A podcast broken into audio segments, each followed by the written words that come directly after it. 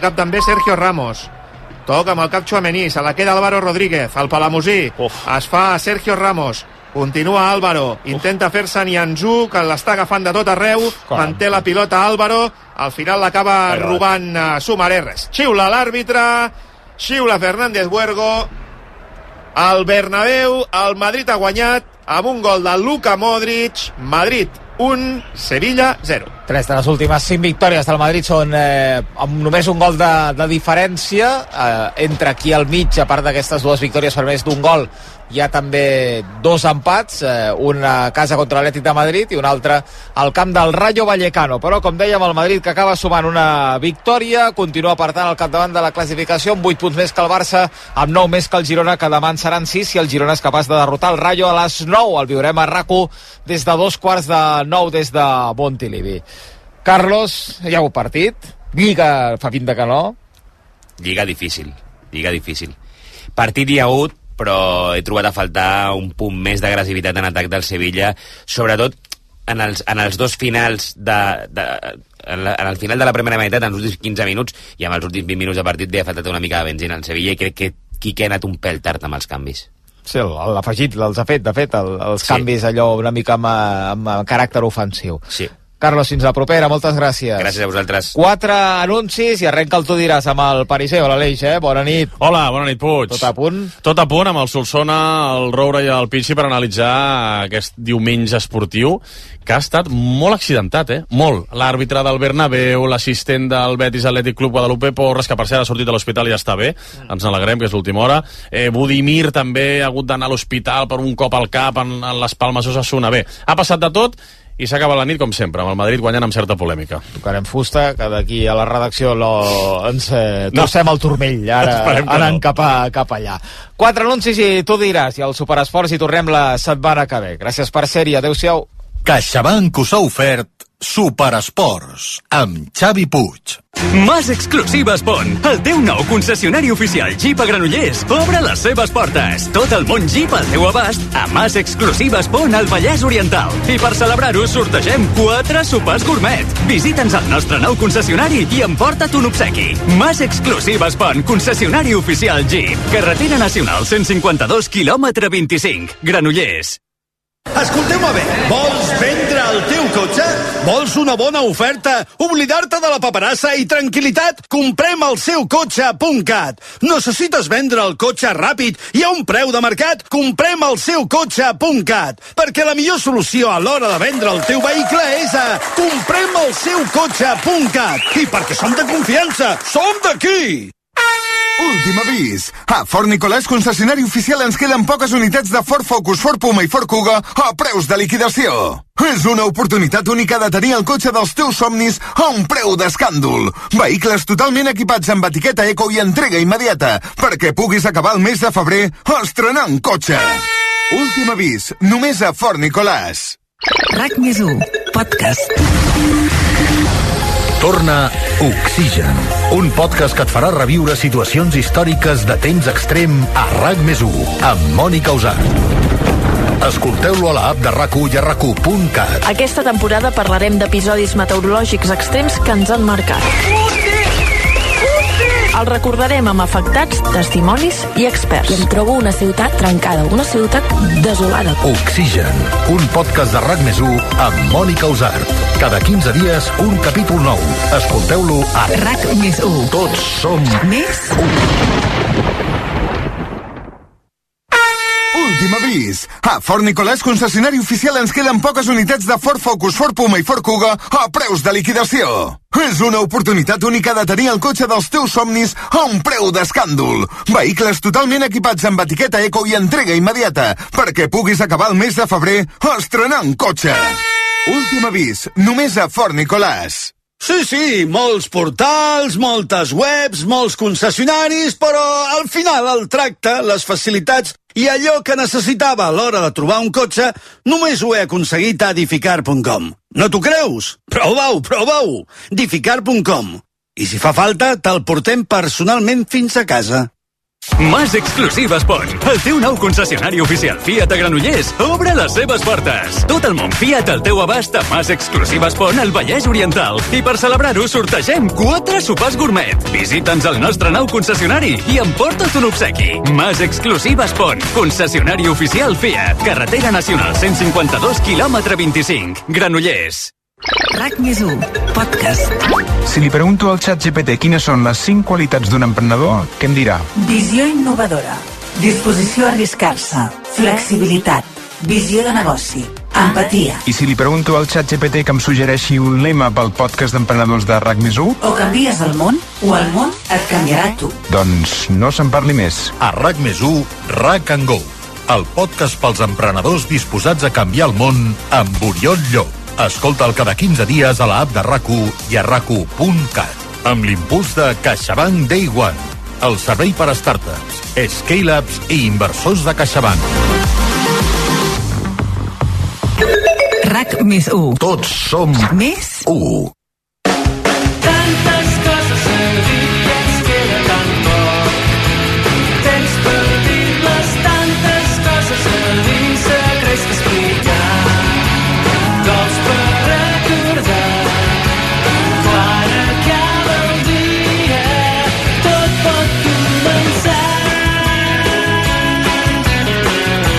Diràs, amb Aleix Pariser.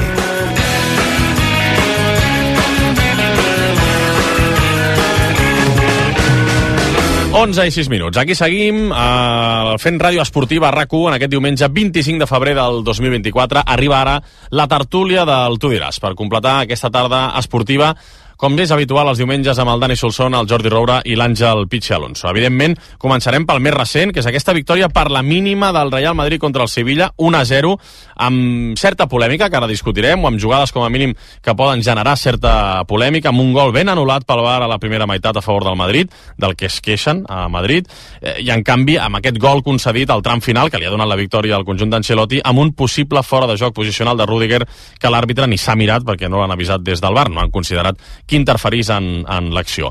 A mi el que m'acaba de, grin, de grinyolar és la falta de criteri, un criteri unificat en totes aquestes jugades, tant amb les mans com amb els fores de jocs posicionals. Perquè si ho era el de Ferran Torres a Los Cármenes en la primera volta, que li hauria donat la victòria al Barça i avui no. Bé, eh, ara ho discutirem aquí a la, a la tertúlia, a, amb, amb aquesta lesió de l'àrbitre principal, Díaz de Mera, eh, cosa que ha obligat que el quart àrbitre, que és un col·legiat de primera ref, eh, hagi hagut de dirigir l'última mitja hora d'aquest Madrid-Sevilla, amb tot el que suposa de la pressió ambiental i mediàtica que suposa dirigir un partit al Santiago Bernabéu. Ho ha fet bé, eh, el, el quart àrbitre no ha estat protagonista en cap de les accions i, i ha tret endavant bé aquest tram final del partit. Un partit estranyíssim, aquest Madrid-Sevilla, igual que ha estat estranya tota la jornada, eh, amb, amb una eh, acció accidentada també en el Betis Atlètic de Bilbao, amb l'assistent Guadalupe Porres topant amb una càmera, amb una càmera de televisió, ha acabat amb la cara ensangonada, traslladada a un hospital de Sevilla. L'última hora és que ja ha sortit, després de diverses proves, està bé, Guadalupe Porres, i li han posat uns punts de sutura a la ferida que té a la cara després de topar amb una càmera. I a més a més, Budimir de l'Ossassuna també ha estat a, a, traslladat a un hospital després de perdre el coneixement un cop s'ha acabat en les Palmes Ossassuna d'aquesta tarda. En el tram final hi ha hagut una acció en què ha rebut un cop al cap, Budimir, era ja al minut 90, l'han atès sobre el terreny de joc, l'han canviat perquè estava una mica eh, marejat, i després, quan ja s'ha acabat el partit, ja ha anat a vestidors, Budimir ha perdut la consciència i l'han hagut de traslladar a, a un hospital de les Palmes de Gran Canària.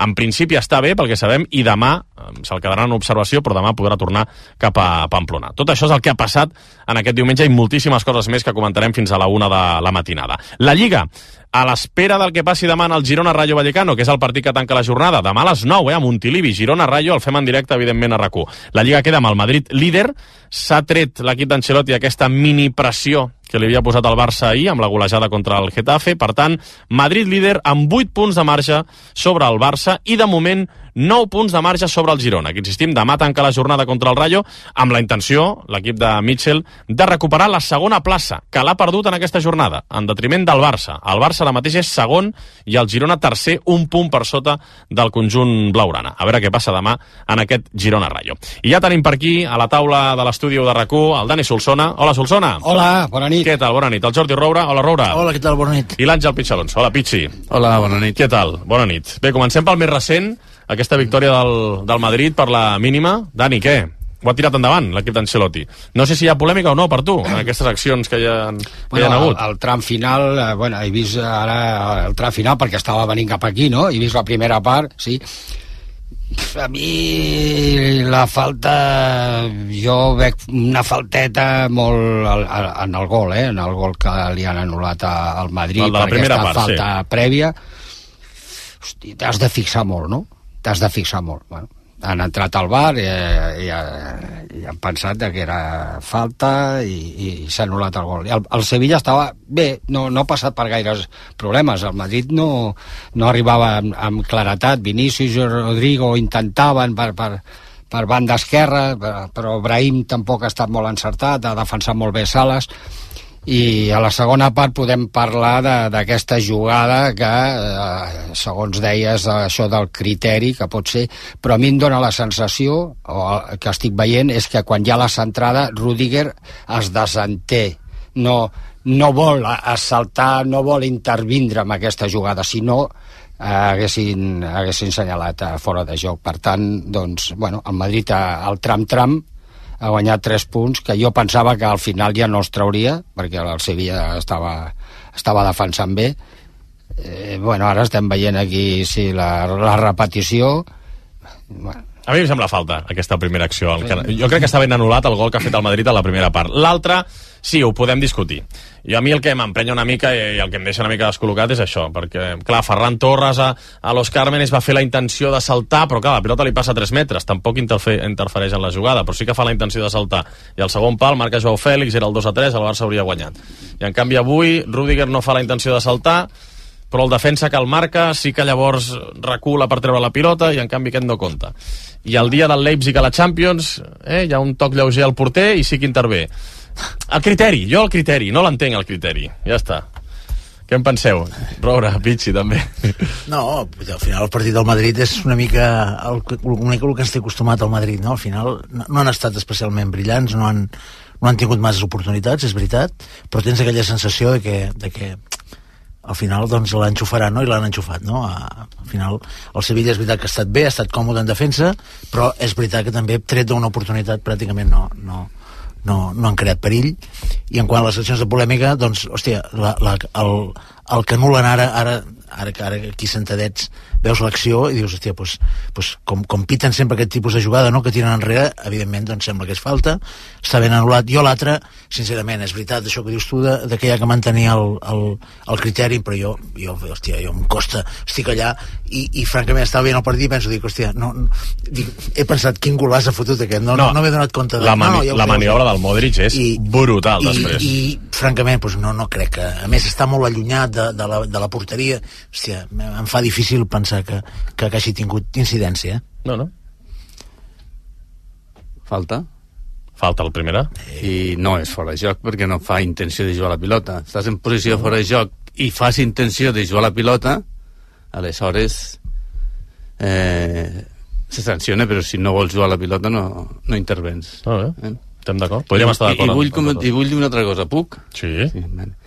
no sé quina moda tenen els àrbitres de no pitar quasi ni una falta al davanter que rep d'esquena i va el defensa per detrás i fa falta clara i no les piten, no sé, els han donat alguna consigna però no Hòstia, les piten, la Àngel, majoria totalment d'acord és que la és majoria passada. no les piten, estan, estan fa- afavorint el joc defensiu, no l'ofensiu. és una passada Però parleu en general o del En Bernabéu? No, no, en general. No, en general, en general, és veritat, és El- veritat. El punta que ve a rebre Sí, allò del tercer defensa se home, li no? penja, li Perquè pegui en- per perquè detrás. ens entengui tothom, el Lewandowski El- el- de l'àrbitre li fa, no? arriba, arriba, cony, arriba, arriba, arriba, sí, si li fan falta, pita falta. Sí o no? No sé, a- nya, a- nya. a Lewandowski, no, és que, no Lewandowski, eh? O, o, Sí, el eh? que ve. No. Dic perquè ho tenim més en ment, potser, no? Hòstia, és que ni fan...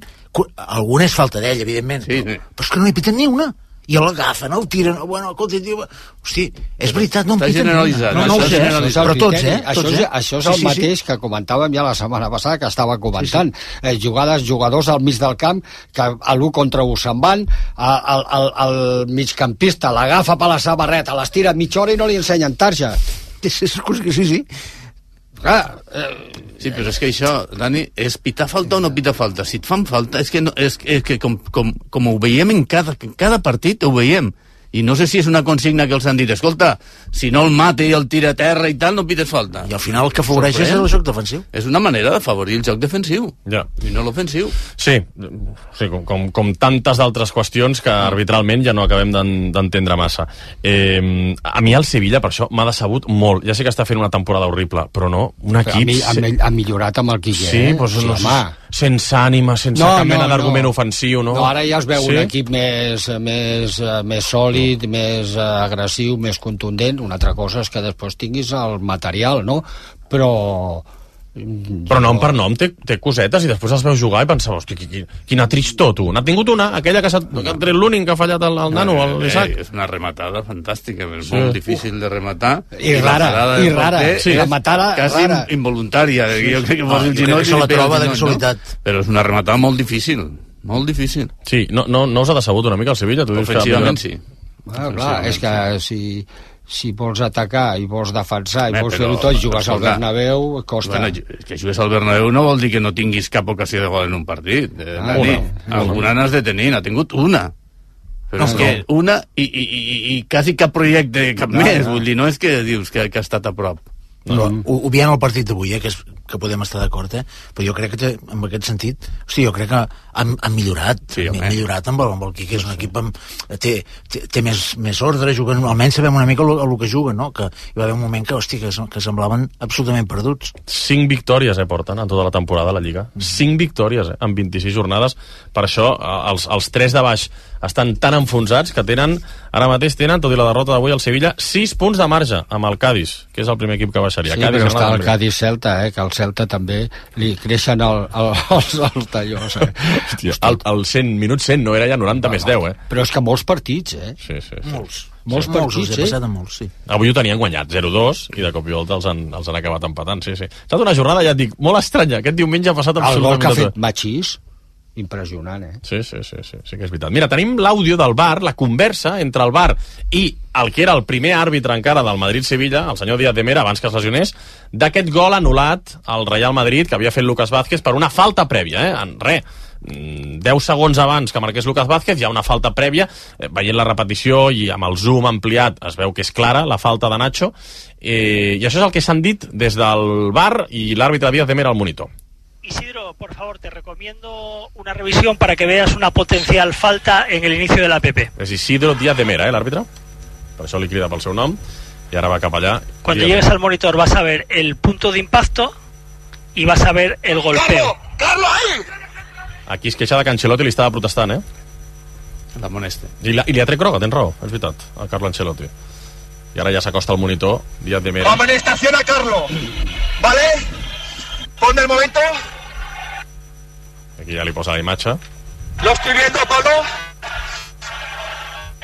Vale. ¡No, no, no, no, no! Veo cómo con la puntera le pegan el tobillo. ¿Vale? ¿Tienes otra cámara? Van dient que no els jugadors per darrere. Mira, mira, mira. ¿Tienes otra cámara? Increïble com es filtra això pel micròfon, eh? Aquí. I ara li posen l'altra càmera. Si quieres, lo que te podemos dar ahora es que sea la misma app en la acción en la que veas cómo la app acaba en gol. Dame la lámpara que quiero ver la jugada, eso es. Y quiero ver cómo acaba. Que llavors li han, li han posat l'acció sencera perquè veiés que havien passat res, 5-10 segons, no?, entre aquesta falta i, i el gol posterior. Y efectivamente la misma app. La nueva con falta y anulamos el gol. Ok, recibido. I aquí és on ha pres la, la decisió. Veus? A, a mi avui sí m'ha semblat molt didàctic i, i crec que lògic, no?, el que ha fet el VAR, que és intervenir en una acció que era això pràcticament continuada, no?, la No, falta. no sé si Telemadrid opinarà el mateix. No gaire. No. El zoom no posaran el zoom. No. Ara Telemadrid té feina, perquè haurà de fer també el vídeo del quart àrbitre, eh? perquè avui acabat jugant eh? Carlos Fernández Buergo, pobre, aquest quart àrbitre de només 29 anyets asturià, que li han dit, venga, a jugar, que s'ha lesionat Díaz, Díaz de Mera. Bé, això és el que ha estat el, el Madrid-Sevilla. Déu nhi La Lliga, aquest moment de la tarda en què algun seguidor del Barça hagi pensat ostres, el Barça està a 6 punts del Madrid ara mateix, eh, amb aquest empat. No, no. Home, si És- és... empatat a 6 punts... No, Sí, eh? no, home, no, 6 punts no, no són ni 8 ni 10, eh? Són 6, ho tens. 6 havent d'anar Estàs a l'abast. havent d'anar al Bernabéu, al Barça. Bueno, Vull dir que és un millor, millor, millor perquè tens l'opció de guanyar. Si no vas al Bernabéu no li no, pots però, restar punts al Aleix, Madrid. f- f- poso al revés. Tu vas líder a 6 del Madrid. I tu ja estaries... No, ja està. No, no està. A 6 no està. A 6 no està. Però no són 6, eh? No. No, són 8, són 8, són vuit, 8, són 8, són 8. Sí, però, per exemple, dissabte que ve, València-Real Madrid. El retorn de Vinícius a Mestalla. S'està preparant allà a València un retorn espectacular, que per ser el València no ha jugat en aquesta jornada, Mm. li han ajornat el partit amb el Granada per tota eh, la tragèdia que hi va haver amb l'incendi d'aquells eh, dos blocs de pisos. Per tant, el València, evidentment, tot i la tragèdia, tindrà 15 dies per preparar aquest València-Real Madrid de dissabte.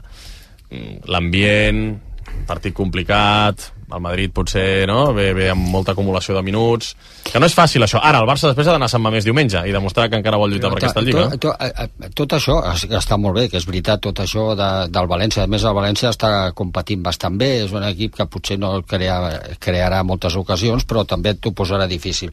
Però, per exemple, eh, estava dient Xavi, i, pues, segurament amb raó, no, és que no tenim, tenim dos dies només per, per jugar, no tenim descans i no sé què. I resulta que jugues i, i guanyes per quatre. Vull dir, que, que després un altre dia te- tindràs tres o quatre dies i, i, i de descans i, i al final, si no guanyes i tal, però vull dir, això va així. Jo crec que Baraja treballarà bé a l'equip perquè no surtiga excessivament accelerat i que estigui més centrat en el partit perquè pot ser contraproduent que, que també eh, Ah, que sí, vol ser hostil amb el Madrid però que se- s'encomana als futbolistes i, i en ocasions no és positiu Ja, però sembla mentida, no?, que fa una setmana això semblava ja que el Madrid ho tenia fet, i avui el veu jugar... No? Bé, estan passant aquest moment també, entenc jo, a la Champions, no?, que no, no, estan, no, estan, no estan jugant a, a tot I, drap. I, I molts jugadors que, té, que no té. Avui alternatives que tenia, eh, quines eren? Perquè a dalt pues, era faves comptades, eh? amb, amb Vinícius, Rodrigo i Ibrahim. Ja no tens ni Joselo. Bueno, avui ha entrat a Álvaro i Vis. sí, però l'ha tret pel, pel joc aeri corners. Ja, ja. Eh, tu que n'has viscut unes quantes. Això que ens hem d'esperar falta de 8 jornades, Jo crec que mi- encara- mitjans d'abril... Enca, encara falta molt, hi haurà, hi haurà altibaixos, hi haurà moments d'aquests que diràs eh, és, jo crec que serà difícil que, que, que hi hagi una distància molt gran de punts. Estarem així, que dirà ai, ai, ai, i veurem... La diferència, veurem. la diferència, Jordi, és que el Barça no pot punxar. Ah, clar, evidentment, no pot no, no, punxar, evidentment. I el Madrid sí té marge per punxar. Evidentment, el, el, gran, el gran favorit és el Madrid. Eh, això és així, en aquests moments. Ara, escolta, eh, veurem veurem, queden moltes, queden moltes jornades el Barcelona també té un calendari complicat Eh. té que anar, té que anar a Bilbao té que anar a Madrid, té ca- al camp del Atlètic de de l'Atlètic de Madrid, vull dir, té un calendari difícil també el Barça, vull dir que, escolta Són les dues pròximes sortides, són Sant Mamés i Metropolitano, pel Barça. Abans de l'aturada que hi haurà per seleccions a finals de març. I a casa té el Mallorca, em fa l'efecte. Liquida el Mallorca, sí. sí, sí. I després ja hi ha l'aturada. Sí, sí, ara és Sant Bueno, Mamés. després ja el Nàpols. És Mallorca, ara, ara és Sant Mamés, Mallorca, Mallorca. casa, Nàpols i Metropolitano. I, des. I després s'atura la Lliga. Sí, sí, pròximes quatre jornades, déu nhi Fem una pausa, 11 i 23 minuts, i ara sí parlem del Barça, eh? del partit d'ahir, del que us va agradar, d'un nom propi. Bé, n'hi ha uns quants, però en destacarem un, que és central, té 17 anys, i el Jordi Roura el coneix molt bé. Es diu Pau Covarsí. De seguida, i farem passar els saperes, també. Tu diràs, amb Aleix Parisser.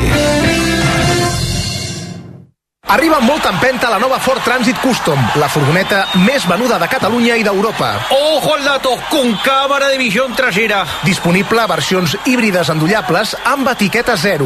De serie con conectividad total, freno de mano eléctrico y arranque sin llaves. Amb entrega immediata i 4 anys de garantia. Nova Ford Transit Custom, una oficina sobre rodes. Vehicles comercials Ford a la xarxa de concessionaris de Catalunya. Eso es todo. Saludos cordiales. Si estàs pensant en vendre el teu cotxe, no li donis més voltes. Vender mi cotxe. Fàcil i molt de pressa. No cal ni demanar cita. T'oferim a l'acte la millor valoració pel teu cotxe de forma gratuïta i sense compromís. I als 30 minuts ja tens els teus diners. Vender mi cotxe. Som a Barcelona, al carrer Rocafort 78, Cornellà de Llobregat i Sabadell. A Mundo Deportivo ho vivim tot minut a minut.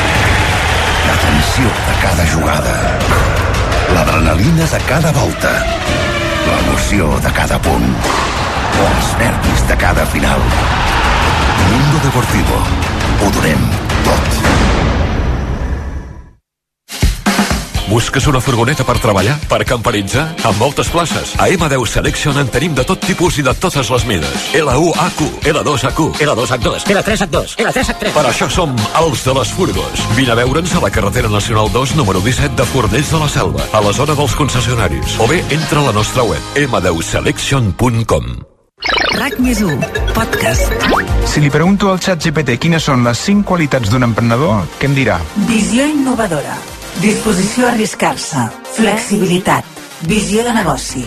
Empatia. I si li pregunto al xat GPT que em suggereixi un lema pel podcast d'emprenedors de RAC més 1, O canvies el món, o el món et canviarà tu. doncs no se'n parli més. A RAC més 1, RAC and Go, el podcast pels emprenedors disposats a canviar el món amb Oriol Llop. Escolta'l cada 15 dies a la app de rac i a rac amb l'impuls de CaixaBank Day One, el servei per a startups, scale-ups i inversors de CaixaBank. RAC més 1. Tots som Més 1.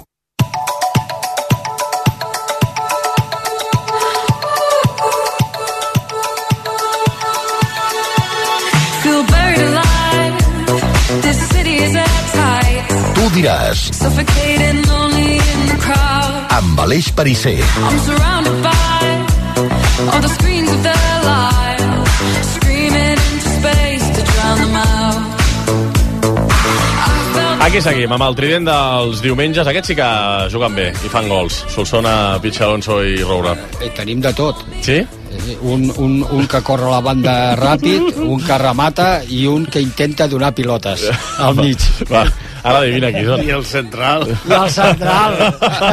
El central és eh, Saperes. Hola, Saperes. Què tal? Bona nit, jo el el d'Australer. No, perquè és baixet, però és com a... s'aixeca molt, eh? Com la Iala, com la Iala. Saps que teníem Com a una... Com a Iala. La Iala. Jugàvem una lliga de mitjans, aquestes de Fulbito, entre els mitjans. Jugàvem per Mundo Deportivo, RAC1, eh, Catalunya Ràdio, la SER, jugàvem. I de tant en tant els matins quedàvem aquí un pavelló de Barcelona i jugàvem. A veure què expliques, eh, Peliser? Li dèiem Royston Drente, perquè mossegava els turmells. Hòstia, Drente, sí. Sí. Sant Peres era Drente. Sí, sí. Fotia unes mossegades al turmell. Era amb Costa i Servidor, la defensa de Real Imagina. I tu eres Bogarle? O...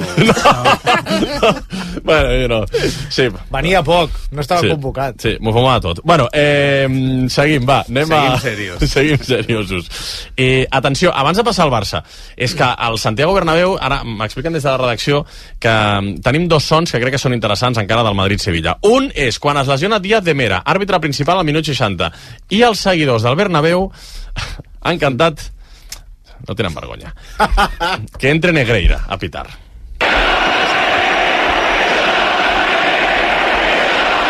Que salga Negreira, eh?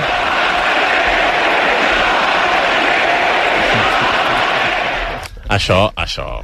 És que ja és un gag, ja. És, és un gag. Ja està, ja està. És, és, és el running gag i l'aniran aprofitant ja, i s'han cregut el relat de, de Madrid Televisió i ja està. I ara ja... I el tret al peu del Barça. Sí, no et dic que no, però, però en cap cas s'ha demostrat, és, és més, mm, tot, Sí, sí, tot sí. indica que, que no hi ha corrupció esportiva, sinó que aquí hi ha alguna cosa que s'ha d'estudiar, que és on anaven a parar aquests diners i per què es pagaven aquests diners. Però en cap cas hi ha hagut compra d'àrbitres, per tant, però bé, és un running gag que evidentment haurem d'aguantar perquè el Sí, Barça... sí. El Els Barça uns hi han donat peu i els altres aprofiten per sucar i pa. Sí, sens dubte. I l'altra és una declaració de Jesús Navas, un dels homes forts del Sevilla que eh, ha parlat del gol que li dona la victòria al Madrid, aquest possible fora de joc posicional de Rudiger abans del gol de Modric. Al final han metido el gol ahí y, y bueno, tenemos que seguir ahora. Yo creo que, que esa acción estaba en fuera de juego. Doncs ja està. Jo crec que esa acció estava en fuera de juego. És el que diu Jesús Navas. Aquí a la taula eh, han coincidit en que no influïa en la jugada i que, per tant, no semblava eh, fora de joc del, del Real Madrid. Per cert, eh, avui han expulsat Nico Williams, ja que el Barça ha d'anar a Sant Mamés diumenge vinent, diumenge a les 9, eh, partidars a Sant Mamés, avui han expulsat Nico Williams al, al Benito Villamarín, al camp del Betis. Primer, per una falta sobre Fekir, jo, jo diria que no és de groga. De fet, diria que no sé si és falta o no, perquè Fekir li posa més pa que formatge. Però bé, l'àrbitre li treu una groga i després Nico Williams fa una cosa que no ha de fer, que és aplaudir-li a la cara al senyor Quadra Fernández. I el senyor Quadra Fernández li ensenya la segona groga per aplaudir-li a la cara i l'expulsa en aquell moment. L'Atlètic Club ha acabat perdent, una magnífica notícia pel Barça i pel Girona, perquè el Barça ja té 8 punts de marge sobre el cinquè, 8 punts, i el Girona ara mateix 7, que poden ser 10, o sigui, demà guanyés. Eh, ho dic tot això perquè Quadra Fernández és un àrbitre que l'abril a l'abril de l'any passat, al final de la Lliga de la temporada passada, va permetre que Vinícius li aplaudís a la cara. Vinícius fa una falta, li ensenya la groga, Vinícius li diu de tot, li aplaudeix a la cara amb les dues mans i Quadra Fernández no li treu la segona groga. Suposo que haurà après d'aquell dia i ara, cada cop que l'aplaudeixin, ja traurà la segona groga. Però, evidentment, avui a les xarxes s'ha fet viral la comparació que el mateix àrbitre, fa uns mesos, Vinícius li va aplaudir a la cara i no la va treure la segona groga. Per mi està ben treta la segona groga per aplaudir-li a la cara. Jo dubtaria més de la, de la falta i de la primera targeta groga. Ara bé, doncs això, esperem que a partir d'ara Quadra Fernández no, tregui sempre grogues quan hi hagi una desconsideració o una falta de respecte d'un futbolista. Però el que dèiem abans del criteri, que el que et fa sospitar o fa, et fa emprenyar o et fa dubtar és mm, sempre que passa una acció el Madrid sembla que cau d'una banda sembla, eh? Sembla que cau d'una banda i els altres equips caus de l'altra o aquesta és la sensació que tinc jo, no sé vosaltres Àngel, però bé no voleu comentar res més, no? D'això ja està Eh, no, no, jo- targetes, ja ho deixarem. Va. No, dit això, mm, no sé si l'Atlètic de Bilbao recorrerà o no, eh, però és una baixa important. Pot recórrer la primera targeta. Es pot recórrer, però, però si no li treuen és una baixa important. Molt important. Nico Williams, eh? Molt important. El tio corre que se les pela allà per la banda. Vull dir que... I a més a més, qui més hi ha de baixa? Saperes? Vivian? Tenen- Sí, Vivian, Vivian. i, Yuri. i, i Yuri Berchiche s'ha de veure si avui donaven per fet que difícilment arriba al partit de Copa contra l'Atlético i que ho té molt difícil també per jugar contra el Barça. Per tant, serien Nico, Vivian i, i Yuri. Tres quasi, baixes. Quasi més important que les baixes és que dijous juga un partit on es juga la vida. Sí, sí. I, I a contra veure- i a un veure- equip eh, difícil com Clar, és clar, i a l'Atleti veure- de i a veure Madrid... què passa en aquest partit també. Ja, per això, per això, i a més a més que Bilbao és el, amb el Barça és el rei de copes i és un títol que li, li fa molta il·lusió a l'afició i, a, i al club, no? Per tant, això és molt positiu pel Barça. Sí, bueno, és que per ells, no? És ara mateix el partit de dijous a, la, a les 9 de la nit o a quarts de, quarts de 10 de la nit és és el partit, no? El partit. Naturalment. O sigui, anar a una final de Copa per ells, que a més a més pot ser amb la Reial Societat. Que ja fa dos, Sí, tres el- anys ho va ser. I la va guanyar. I la va guanyar la Reial. La va guanyar la Sí, Real. que és que l'Atlètic Club va perdre dos finals el mateix any amb el tema de la pandèmia, una contra el Barça, no? Sí, el 0-4, I, amb i Koeman. l'altra contra la Real Societat. El, el, sí, home, importantíssim és eh, perquè pensen que a la, a la Lliga doncs, encara queden molts partits i encara eh, hi ha molts punts per endavant i ara la prioritat és aquesta. Però imagina't ara, posem en un cas hipotètic que quedés dos jornades per acabar la Lliga i tinguessin opcions d'entrar a la Champions. Què? Eh, què fem? Anem a, a veure si anem a la final o anem a veure si entrem a la Champions si quedessin dos partits, el que passa que com en queden tants, doncs la prioritat és la Copa, evidentment Sí, avui, però, la- l'expulsió els marca una mica, però no han estat bé ja. Avui contra el Betis, No, però ara, ara ho parlàvem, no? Jo crec que fa una sèrie de partits que, sí. que el Bilbao també ha baixat una mica el pistó, no? Ah, Jo crec que en gran... ah, està, ho estaven fent una, una, una temporada fantàstica, no? Però també jo crec que en certa manera el que comentàvem, no? És, hòstia, ells necessiten per guanyar, necessiten, és un equip molt intens, que han de treballar molt, que corren moltíssim, que fan molts esforços, això al final es paga, no? Mantenir això tot l'any aquest, aquesta, aquesta manera de jugar també és difícil. Igual coincideix, coincideix que ells va, baixen un pèl i el Barça ha pujat. Vull dir, no? Ha pujat un pèl. I el fet que han recuperat l'esprit de Sant Mamés. Abans de guanyar Sant Mamés era molt complicat i després venia una època que era relativament fàcil i ara torna a ser un camp molt Sí, sí, complicat, molt complicat. complicat sobretot pel que deia Jordi, per la intensitat que posa l'equip, per lo agressius que són. Mm. Eh, Ernesto Valverde ha parlat d'aquesta expulsió de Nico Williams, que evidentment és una baixa sensible, i la veritat és que no ha volgut mullar-se massa. Jo crec que els entrenadors saben que si parlen o es queixen també els poden sancionar, i això és el que ha dit el tècnic de l'Atlètic Club de Bilbao avui. No quiero hablar mucho del, del árbitro. eh, no, no quiero hablar del bueno, al final el, pues bueno, supongo que pita lo que cada uno pita lo que ve y, y ya está. No quiero meterme en muchos charcos de ese tipo. Y la segunda, pues bueno, esa es la que tiene que evitar Nico.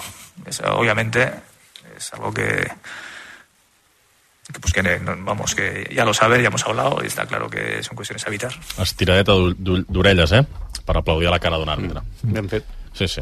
Home, però si la primera jo no l'he vist, eh? A mi no em sembla falta. Jo no l'he vist. Si no et sembla, i pot, poden, poden reclamar, però serà difícil que, li, que els hi pugui treure, eh? Si no és molt clara que no és...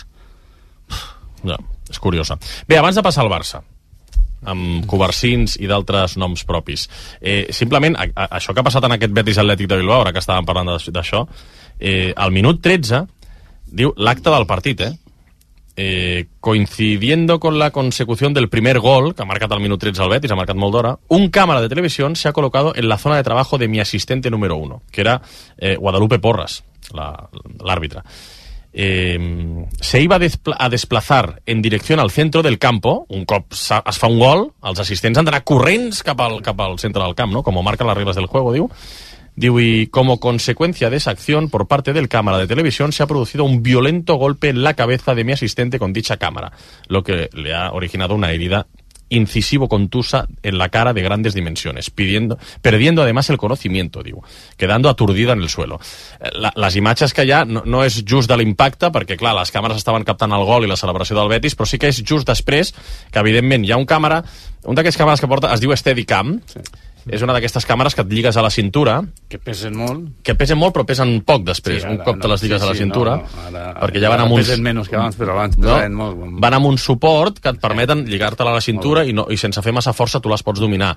Llavors el càmera pot caminar pel seu propi peu amb la càmera lligada a la cintura i moure's per la zona de, de banquetes i d'on s'escalfen els jugadors.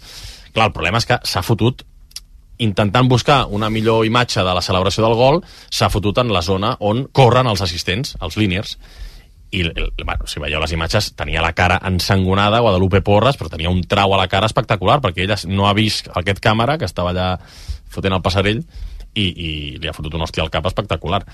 Llavors, l'han fet fora al càmera.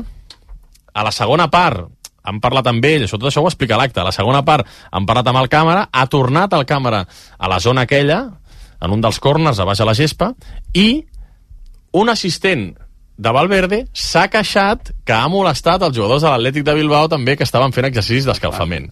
No, que, vull dir que això genera un debat de dir, val, el futbol és un espectacle, ara les càmeres estan per tot arreu, però hòstia, no, hem de deixar treballar. O què? Tu imagina't que un jugador està fotent un sprint, no veu la càmera i so- i s'obre un trau al cap. Què diríem llavors? I, I amb els camps que tenen certa distància. Clar. Ves a Vallecas.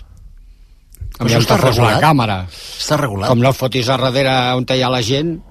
Hauria d'estar regulat. És a dir, no, no hi ha unes zones prèviament determinades o, o, o van per on No, van? en principi, en principi hi ha zones. En principi Per deuen haver zones. Clar, té que estar regulat, no? Digo, posteriormente, en la segunda parte, dicho cámara ha vuelto a aparecer en la misma zona y en una ocasión que miraba al asistente número uno, que en este caso, como marca la normativa, ha pasado a ser el cuarto árbitro, que clar, com que Guadalupe Porras ha hagut d'anar a l'hospital, el quart àrbitre també ha hagut d'entrar igual que el Bernabéu. Eh, diu, ha percibido, el quart, l'assistent, que feia també de quarta, ha percibido que el cámara estaba molestando esta vez a los jugadores y preparadores físicos que estaban realizando ejercicios de calentamiento. Bé, tot plegat, espero que generi un, un, un bon debat, no?, I que, i que les televisions que tenen dret, que evidentment ens volen oferir les millors imatges i els que estem a casa veient-ho ho agraïm, no?, per veure millor el futbol amb totes les repeticions possibles, però, però sense, Sense passar-se. intervenir en el joc. Ah, sense Ah, passar-se, és que mira avui, vull dir, podria haver passat una tragèdia. Eh, Guadalupe Porras ha marxat ja de l'hospital, té un, li, han, li han posat punts de sutura a la ferida de la cara i en principi ja està bé. perquè l'assistent entén que aquella és la seva zona i ell se gira i corre i, no, i diu, aquí aquest, aquest tros no, no hi ha ningú, no deu haver ningú Que, que això ho arregle Tebas, ràpid. Segur, segur, segur, segur, segur, segur, segur. Bé, tot això és els incidents que ha passat en la jornada d'aquest diumenge. Ara ja ens centrem en el Barça, de seguida. Parlem de Covarsí i d'aquest 4-0 d'ahir contra el Getafe. RAC 1 Comença el dia amb molta energia a Basic Fit, a casa o al gimnàs de la cantonada. Apunta-t'hi ara. Gaudeix de 4 setmanes extra i emporta't una motxilla. Senta't bé i fes del fitness el teu bàsic. Només queden 5 dies. Basic Fit. Notícies, esports, Entreteniment. Tot allò que t'expliquem a RAC 1 ho portem al web. RAC1.cat El portal de notícies de RAC 1. You're just like my favorite song going round round my head. Like my favorite song going round round my head. Tu diràs, amb Aleix Parisser. You're just like my favorite song going round round my head. No, estamos a tiempo. Pienso que estamos a tiempo.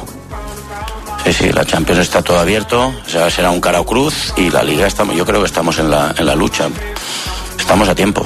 Lo que no estamos a tiempo es de la Supercopa y de la Copa. Esto, es- esto está, vamos, segurísimo. Pero lo otro sí. Això és el que deia Xavi ahir després del final del, del partit. Estamos a tiempo, ara ho dèiem, han de passar unes quantes jornades. A veure, de moment el Barça a 8 punts, sembla que la Lliga la té el Madrid, que només la pot perdre el Madrid, aquesta Lliga, això és una realitat, però encara queden 12 partits i el Barça ha de visitar l'estadi Santiago Bernabéu. D'ahir, què us va semblar, aquest Barça-Getafe? Un dels millors partits de la temporada o el marcador eh, ho, ho enganya tot? Home, va ser un bon partit de l'equip. Uh, la victòria amb la del Betis a casa, la més, la més factible, la més assequible des d'aquell partit i no va patir, defensivament no va patir. I ofensivament va saber, va saber jugar el partit. Van fer una lectura molt bona del partit. Jo crec que Bordalàs s'equivoca totalment al tirar la línia defensiva allà dalt. De fet el Barça ahir va fer més passades verticals i passades llargues que diria que, que mai recordo jo contra un altre equip, no? En aquest sentit, i, i atacant els espais va, va, van ser van ser molt superiors, van ser molt superiors. Inclús aquesta aposta de Gené al principi de lateral d'esquerra, fixa't tu que, que el gol, el primer gol marque per fora. Marque per la banda. I trenca la línia Trenca la línia i Rafinha fa molt bé el moviment de, de, no, de, de trenca fer-la. per, sí, sí, marcar per dintre. Horrorós. que la porteria està aquí cap aquí se'n va al córner. Eh, el perill imminent està en direcció a la porteria no en direcció al córner vull dir que cosa rara però van saber atacar els espais. Molt bé. I òbviament a mesura que passa el partit després pues, se van trobant més còmodes els jugadors i van jugar bé un molt bon partit de l'equip. Sí, una, una Però- petita evolució, Nàpols-Getafe o què? Sí, ha millorat. Vull dir, jo crec que ha millorat, però són dos contextos de partit molt diferents, eh? A a mi no em serveix de, de referència, perquè el, menys la, la Unió Deportiva Las Palmas i aquest Getafe no hi ha hagut cap equip que li ha tirat la línia avançada. Tots, tots defensen a tres quarts de, de camp, eh, com, com diuen ara Bloque bajo. Bloque bajo. Eh? Defensen en bloque bajo. I ahir el, el Barça, no van veure el Barça ir de tocar, tocar, tocar, tocar, tocar, pa, pa anar atacant en estàtic, sinó van veure un Barça vertical, pilotes llargues, tal i qual, i fins i tot ja em va sorprendre del tot veure Christensen trencant a l'espai i, i donant una, una passada de gol. Sí, sí. Sí, jo crec que jo, jo crec que va ser molt bon partit eh, i de, molt, també molt d'acord amb l'Àngel, no? en el sentit de que jo crec que no, primer no van passar purs defensivament. Contra un rival que si mira les estadístiques eh, en el Barcelona li havia costat molt aquests darrers partits perquè eh, són, és un equip intens, defensiu. Em va sorprendre molt també aquesta línia tan i tan avançada. I a diferència del, del partit de les Palmes jo crec que aquí que les Palmes No, segurament ho van intentar-ho però no, no, el timing no va ser bo. Aquí crec que, que ho van provar ho teníem evidentment absolutament treballat perquè suposo que els haurien vist i ho van aprofitar molt bé i crec que el que van fer molt bé és al principi de partit que volien sortir des de darrere i allà el, el Getafe era molt intens i de fet van veure alguna pèrdua però això ho van rectificar de seguida i les passades van ser molt més verticals atacant l'esquena i aquí els van matar i és, que- és que aquí els van matant i van fotre quatre i podien haver fotut més vull dir, això és evident, no? i per tant Ben llegit, eh, per tant, no, el jo- partit, jo a crec que vegades. Molt, dir, molt ben parlem llegit. de model, de Molt model, de tenir la pilota, però ben llegit. I... i, par, i parlar una mica d'aquest de, de, de, entre el, el Nàpols i el Getafe. i el Getafe és evident que són, són estils absolutament diferents del que va fer el Nàpols no? ai, el que va fer el Getafe i el Nàpols però jo crec que a nivell d'intensitat sí que es va notar no? jo crec que van, tant, a, tant a Itàlia com aquí jo crec que vaig veure l'equip bastant més agressiu a la pressió, no? van recuperar més amunt defensivament a Nàpols tret del gol que al final eh, eh, podem discutir si és falta o no però és l'única opció que, que potser no van estar afortunats van estar força bé jo crec que en aquest sentit sí que hem de ser una mica optimistes no? Però jo li, li dono molt més mèrit al partit d'ahir que el de la... No, dic que el de la Unió Deportiva Las Palmas. Perquè eh, sabia que Pimienta juga amb la defensa avançada, ja ho sabia, perquè juga els altres partits, però el Getafe no l'han vist mai. i el Getafe Juga, es, ens va sorprendre tots tant i tant, Clar, tant jo, i tant jo eh? crec que va sorprendre els propis jugadors del Barça. Per això, eh, i per tant, no, eh, Xavi des de la banqueta és molt difícil que, que els digui com han de trencar això. Han de, els ha de sortir d'ells. I els va sortir molt bé. Sí, sí. Els va sortir molt bé perquè el Joao Fèlix va, va fer no sé quants intents que no li donaven mai la pilota en profunditat, no? I, però que pràcticament en tots els gols van ser accions molt verticals. si tot el que deies tu, el Christensen va trencar una vegada molt bé a, a l'espai és que i, i, i va arribar fins i tot de Jong. Vull dir, s'atrevien a això. Vull dir, contra les Palmes, encara que tiri la línia molt endavant, ells tenen molta possessió. I a vegades al, al rival li costa més tirar pilotes i fer les desmarcades, però sí que el Barça és veritat que, que hi ha eh, la sensació, independentment de que el Getafe jugués d'aquesta manera, que va facilitar molt les coses, doncs eh, sí que es veu ja un, un ritme més alt de, de, de pilota, els moviments, no van passar problemes en defensa, no els hi va crear Borja Mayoral, a vegades jugava Mata i tal, però no els hi van crear res, i van aprofitar i ho van entendre molt bé, però això és... Eh, i, i enteneu-me bé, això és com a, a, als entrenaments, quan tens eh, algú davant que és fluixet, i diuen no tens que sortir amb la pilota però tu veus, aixeques el cap i veus que els delanters estan sols que fa la diagonal, ja no la toques eh? la, li dones, va, va, tira i marca no? van fer molt bé les diagonals perquè les feien part davant del defensor jo crec que, que Bordalàs hi va sortir amb tots els respectes la vena de- d'entrenador fent el gener per l'esquerra, després mm. el va canviar a la dreta, després va jugar amb la línia avançada, si no... Vull dir, coses inhabituals amb ell, potser estava content perquè Xavi, com va dir que, que Bordalàs no era, no era defensiu, diu, pues ara tiro la línia endavant. I... Ara te sorprenderé, no va te pensar. sorprenderé, ara Sí. te tiraré la línia, Ja et tiraré la línia allà dalt i ja veuràs tu. Ja, però és que la primera part si Rafinha i això està una mica encertat, sí. la primera part eren 4 o 5 a 0 ja, eh? i un partit amb una mica d'alegria, no? És a dir, que, que el del Nàpols també va ser molt bon partit, però acabes una mica amb aquesta sensació de que, hòstia, al final el Nàpols ha marcat... Ja, I que, sí, i que l'altre dia jo tinc la sensació que Però- fins i tot Xavi trigava en fer canvis, perquè Però- tenia la possibilitat de donar descans a jugadors, però que era un partit en què els jugadors també s'hostaven, no? I després de molts partits que el que estàvem comentant quan feia que el Barça no guanyava amb aquesta comoditat i tranquil·litat, que Xavi no volia tocar gaire perquè els jugadors també estaven disfrutant una mica de, de, del partit i del resultat. Però no he, no he sentit, no he escoltat que hagin sortit els puristes de l'ADN i tal dient, escolta, això, aquest no és, No, eh? perquè- Aquestes passades llargues no és. Perquè, els, perquè en les millors èpoques també el Barça ha tingut partits així. Mira, no, no, uh... escolta, perquè es pot jugar molt bé de totes maneres. Però, però així, però... es pot jugar a futbol jo, molt bé de totes les maneres jo recordo- i quan menys previsible siguis millor. Però per que- tant, però, a- fer passades llargues és positiu Àngel, que jo si el rival juga tant així, tant. si el rival et jugués així, doncs el Barça jugaria és que d'aquesta manera. Jo crec que també. això forma part de l'ADN, perquè dic, en els millors temps del Barça jo recordo un partit, un 1-5 a Cornellà, el primer partit que juga Mira, el Barça, de la boca, que es va dedicar a això, és a dir, va, dir, va dir el Pep, seran molt Vaya valents... Que mamons són, eh, treure't això. No, no, ho dic perquè jo recordo molt aquell partit, que l'Espanyol va anar a buscar el Barça i el Barça va dedicar xiu, a, no, penjar, perquè, perquè a tirar pilotes llargues. l'Espanyol, eh, l'entrenador Pochettino, Sí. i ell sempre el Pochettino et plantava allà dalt i t'apretava I molt bé. no? Sí, sí, sí. Escolta, Tu recordes, tu estaves al cos tècnic? No, estàvem allà, vull dir, el, el, i la, Jo també la, estava. la consigna clara era, era, era, era, és que és absurd. Picar l'espai, sí, et amb- fan- amb els- si amb els extrems. Home, Però un home i et foten home home darrere, doncs què has de fer?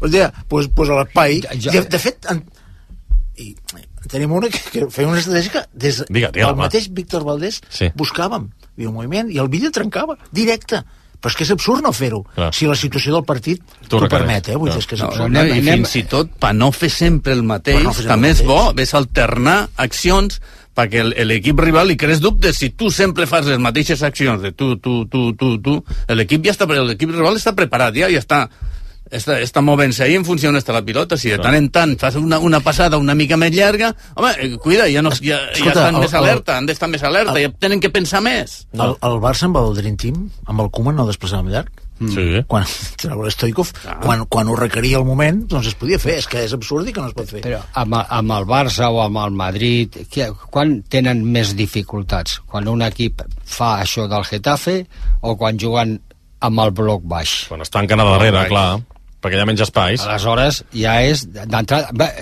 Li vaig dir, quan vaig arribar, perquè nosaltres fe, eh, hi havia l'Espanyol... Veu fer l'Espanyol després. Ja, en, ja en parlarem del miracle d'ahir. No, no, no, però part de El miracle d'Ipurua. Vaig, vaig, vaig, entrava aquí, hi havia el, el, el, el Xavi i el, i el Puig, Jaume i Molló, dic, sí, dic, escolta, dic, que han canviat d'entrenador al Getafe que és, que és, que és Paco Gémez un suïcidi. Si el Barça està finet, és un suïcidi fer-li això al Barça. A no, Ah. ser que, a no ser que tinguis molta qualitat, no? no, per però poder està fer bé, això. però independentment de tot això um, aquests dos darrers partits se'ls veu um, una mica més amb més ritme, amb més intensitat movent la pilota una mica més, més amb més velocitat i tal, i després interpretar. Contra el Nàpols serà una història i ara contra el Getafe és aquesta. Ho han interpretat perfectament perquè aquestes diagonals que, que feien uns altres jugadors igual l'haguessin fet i haguessin caigut en fora de joc doncs, 3, 4 o 5 vegades. I pràcticament Rafinha jo crec que no va caure ni una vegada. I, i, i Joao Félix tampoc No, al final aquí tenim la tendència quan, quan es guanya bé i tal, dir, no, és que, és que els altres es van posar... No, escolta, el Barça va estar bé i ho va entendre Sí, bé no, no, i sí, ofensivament sí. va interpretar bé el Sí, partit, sí, altres això vegades sí. no ahir el va interpretar molt bé, crec jo, en aquest No, sentit. i fa canvis als dos extrems i li funcionen, i ara Rafinha li ha posat les coses complicades a Xavi, que és el que ha de ser, eh, en un equip. No, ara se m'ha més què? Lamin o Rafinha? Bueno, però, no tu, sé. cre, però, però tu creus que ara, Fèlix va jugar bé. perquè no? Rafinha va estar bé ara eh, no, no vas a posar el Lamin No sé, no sé, jo dic que com a mínim hi ha certa competència i el, Ah, bueno, el Rafinha va sí. dir-ho, sí, sé que el Lamin està jugant bé i hauré de treballar. Home, clar, però, Però això està bé. Jugues un partit bé, ja juga... No, home. No, a vegades que va- està bé la va bé d'un- competència. i va bé donar continuïtat, a vegades, Lamin però- jo crec que jugarà. Sí, jo, jo també el posaria abans. El problema però... que tenim és que aquí eh, ho exagerem molt, tot, en lo bo i en lo dolent. I s'ha de deixar una, una trajectòria, s'ha de deixar uns partits i tant. A veure... Anem a veure, doncs. Tu, tu, tu faries jugar Rafinha al proper partit, ja, de titular? No, no, però com a mínim... Com a... No, no, no, però has dit no. no, has dit no, has dit no, No, no, no. no, no, però com a mínim saps que tens No, un no, tio a la ah, que banqueta... Està molt bé, que, que, que està molt bé que hi hagi competència i que Ah. els que sortien de la banqueta li ho posen difícil a l'entrenador. Està molt bé. No, no, però i- no per haver jugat un partit bé tens dret a ser titular quan l'altre ha jugat set partits que ha estat el millor. Segurament, Àngel, l'altre veient els partits que està fent la mina i o surto i faig un partit així o és que no? Bueno, no, però, aleshores, aleshores és mal professional. No, però No, després... després... Home, no. Ara, no. Però, Àngel, t'ho Que- dic en que- el sentit de que si no tens a la min i saps que la posició és teva, doncs al final saps que quan est si estàs lesionat i quan torni jugaré. Ara, de dir, hosti, o em poso molt les piles mm. o és que aquest tio em deixa sense jugar ni un partit. És que... No, i també, també hauràs de veure contra qui jugues. Mm. Clar, si tu, Sí, sí, sí, si tu sí, saps partit. entamar quan un equip et fa el que et va fer el Getafe, doncs potser és millor per aquest estil de joc anant a l'espai i trencant el Rafinha, Rafinha, que si has d'encarar i Ah, tenen- per tant, estan la, la, la decisió de contra qui aleshores que jugues estigui tranquil. I, I a mi, que ja no trobarà un altre partit com aquest, un altre rival com aquest. Tancaran tots. Que no, No, exactament. però això és igual, depèn del rival. Ara, si vas a jugar contra l'Atlètic Club, igual no juga Joao Fèlix i posa un migcampista. Sí, sí, sí, pot ser, pot ser, clar, clar. Però bé, va bé, com deia l'Àngel, tenir recursos diferents, jugadors que puguin sortir de la banqueta, canviar-te un partit, està bé. És que fins ara el Barça sembla que tenia només 11. Que No, però que han, mi- han millorat aquests, aquests dos No, i, i partits. Christensen sembla que mm, està entenent millor això, com a mínim l'altre dia se va veure més còmode. Condé porta dos bons partits al lateral dret i tocarem ferro i fusta i el que faci falta. I Gundogan llegia l'altre dia màxim generador d'ocasions de les cinc principals lligues europees, Gundogan. Ha generat ja 100 ocasions de gol, Gundogan. Una dada d'opta, eh? És el, el jugador que més De ocasions... Boca o del Big Data? De les dues. Les estadístiques. Però bueno, Gundogan ha jugat els 38 partits oficials aquesta temporada. El jugador que més assistències ha donat, 10. Gundogan. Ter Stegen, primera porteria 0 des de la tornada. Li van fotre 3 al Granada, un al Celta, un al Nàpols. I contra el Getafe, que tenia Borja Mayoral, que després de Bellingham, Borja Mayoral crec que va segon en la lluita Sí, pel sí, Pichichi. sí. Vull dir que té mèrit. No, to, tots semblen una mica millor. No? De Jong va marcar un gol quan estava discutit perquè no sumava. O què? No? Sí, sí, sí. Que... No, i em va alegrar molt que marqués el Fermín, eh? També, Fermín, Perquè va un sortir altre. i, escolta, sempre va aquest noi com un avió. Després, Pa- escolta, pa- com un avió. Parlem del que va ser el millor. Parlem de qui va ser el millor. Parlem. no? Va. Vinga. En un minut i mig parlarem del que va ser el millor. Pau Covarsí, ahir. Diràs, amb Aleix Parisser. ¿Has visto la nueva Ford Courier? Es el vehículo comercial más pequeño que puede cargar hasta dos Europalets. Amb la màxima qualificació Platinum als premis Euroncap a la seguretat. Y ojo al dato, sistema de conectividad con pantalla de 8 pulgadas. La petita gran joia dels vehicles comercials de Ford és la nova Ford Courier, amb entrega immediata i 4 anys de garantia. Vehicles comercials Ford, a la xarxa de concessionaris de Catalunya. Eso es todo desde las gaunas. Saludos cordiales. Te compra tu coche, te compra tu carro, te compra tu buga. Te compra tu furgo, te compra tu moto, te compra tu auto, caravana. ¿Te han hecho una oferta? Te la mejoramos. Has oído bien. Mejor precio garantizado y compromiso de pago en 24 horas. Ven a vernos. Vine a provar la nova Honda Hornet al teu concessionari oficial Honda i després prova d'oblidar-la. Spoiler, no podràs. Pel seu motor, agilitat, potència... Però tranquil, a Honda t'oferirem les millors condicions perquè sigui teva. Vine a provar la nova Honda Hornet a la xarxa oficial de concessionaris Honda de la província de Barcelona. A Mundo Deportivo ho vivim tot minut a minut. La tensió de cada jugada. L'adrenalina de cada volta. L'emoció de cada punt. Els nervis de cada final. Mundo Deportivo. Ho donem tot. Tinc un pressentiment. Compra't el Ford Kuga. És alguna cosa que em crida. Compra't el Ford Kuga. Una veu dins meu que em diu... Que compris el Ford Kuga. Fes cas al teu instint i aconsegueix el Ford Kuga. L'híbrid endollable més venut a Espanya i Europa, ara per temps limitat a un preu mai vist. També disponible el Kuga híbrid. El que digui el teu instint. Xarxa Ford de Catalunya. Tu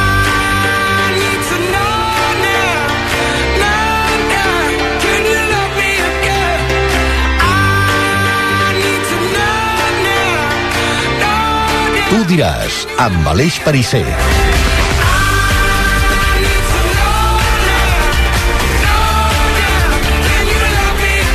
Pràcticament la mitjanit. Va, anem a parlar de Pau Covarsí. Abans, deixeu-me donar un parell de dades perquè ho he estat mirant que em feia gràcia. Ara deies, després del Betis, el partit més plàcid del Barça en aquesta lliga. Clar, és que el dia del Betis va ser a mitjans de setembre. Llavors he mirat, des del 5 a 0 amb el Betis a la primera volta a la jornada 5 fins al 4 a 0 amb el Getafe a la jornada 26 hi ha molts partits pel mig de la 5 a la 26 eh, el Barça ha aconseguit només dues victòries per més de dos gols de diferència o per més d'un gol de diferència Per més d'un gol. per més d'un gol de diferència. Increïble. O sigui, del, del 5 a 0 del Betis al setembre fins al 4 a 0 d'ahir el Barça ha aconseguit 10 victòries per la mínima, 1 a 0, 2 a 1, 3 a 2, patint, i només havia aconseguit, fins ahir, dues victòries per més d'un gol, que són, són recents, són el 2 a 4 al camp del Betis i l'1 a 3 al camp de l'Alavés, que són més d'un gol de diferència. Però vull dir, des del setembre fins ahir, el Barça havia subsistit, patit, eh, tirat els partits endavant com podia. Evidentment, per aquí al mig hi ha les derrotes amb Madrid, Girona i Villarreal. Perquè el Barça és l'únic equip que no ha perdut fora de casa a la Lliga. L'únic equip que no ha perdut fora de casa. van guanyar per la mínima, alguns patint molt. Molt, molt. I alguns patint molt. Sí, sí. Però, insisteixo, el Barça és l'únic equip de la Lliga que no ha perdut fora de casa i només ha, només ha perdut això ja s'ha trencat ara. Aleix, això ja està. Això ja, ja ha desaparegut. Ara, a partir d'ara, tornarà a ser el Barça de, de victòries holgades. Tant de bo? Eh? Tant de bo, tant de bo. A Sant Mamés ho veiem aquest diumenge. I una més, una més, que sembla mentida. Això el Pichi ho diu moltes vegades. El Barça, ara mateix, avui, és l'equip que més gols ha fet a la Lliga. Fixa't tu. Però també és un dels, dels que li han fet més gols. Però és un dels, dels més golejats. Però no, no, és increïble aquesta dada, no? Lewandowski no està bé, no està bé. El Barça porta 56 gols en 26 jornades, el Madrid 54 i el Girona 53. El Girona de jugar demà. Demostració que el problema no hi era ahir, era un dia amb alguns. Sí, sí. Allà, al darrere. Al darrere. Al darrere. Doncs mira, al darrere sembla que ha trobat un element interessant. I al darrere no vol dir només els quatre últims defenses, eh? Ja, en la pressió vols dir, en la defensa... No, no, vol dir eh, l'aspecte defensiu de l'equip. Però hi ha una figura al darrere que, que, és, que és brutal, vull dir, t'al·lucina cada dia que el veus. Pau Covarsí, a veure, Saperes. Eh, un dia més hem de destacar la seva figura, un dia més titular i un dia més eh, actuació estel·lar que va mereixer els elogis, de, els elogis de Xavi Hernández després del partit. A aquestes alçades puc dir que Covarsí és el millor, el millor en sortida de pilota. I és un espectacle veure'l jugar, com tria l'home lliure, com amaga passe, i, i va en funció de, de què fa el contrari, ara et faig jo. Bueno, és, és, és espectacular amb 17 anys. El millor en sortida de pilota, un espectacle espectacular amb 17 anys, les paraules del seu tècnic. Ahir el mateix jugador, eh, Pau Covarsí, va penjar una foto a Instagram amb el missatge Som la gent blaugrana. Van respondre jugadors com Araujo, que li va escriure Filtrame un passe, o el més contundent, Joao Cancelo, eh, escrivint Franz Beckenbauer Covarsí, com a comentari a la foto de, del jugador del planter. Els seus números, els seus números què, què diuen? Doncs el mateix que les sensacions, que va fer un partidàs, 93 tocs, 81 passades, 82% d'encert en aquestes passades, 9 refusos, un tackle, cap falta, 4 duels aeris guanyats dels 4 que va intentar i només una passada, una errada, la que comentàvem aquí a, a la taula de totes les que va intentar. Tu vas veure en directe, què va fallar? Un passe de 25 metres? Sí, sí, ah, sí, això sí, no sí, és res. Sí, sí, sí, sí partit però no és, no és, és la lectura que fa, és brutal, és brutal. Si té un company i un altre allà, i, i no passa per aquest, va directe allà, i són passes majoritàriament verticals. Per tant, que trenquen línies, que trenquen línies. Eh, no estic d'acord amb el que diuen d'ell, perquè sembla que sigui la figura del lliure d'abans. A part de treure la pilota molt ben jugada, a part, defensa molt bé. Va estar espectacular defensant.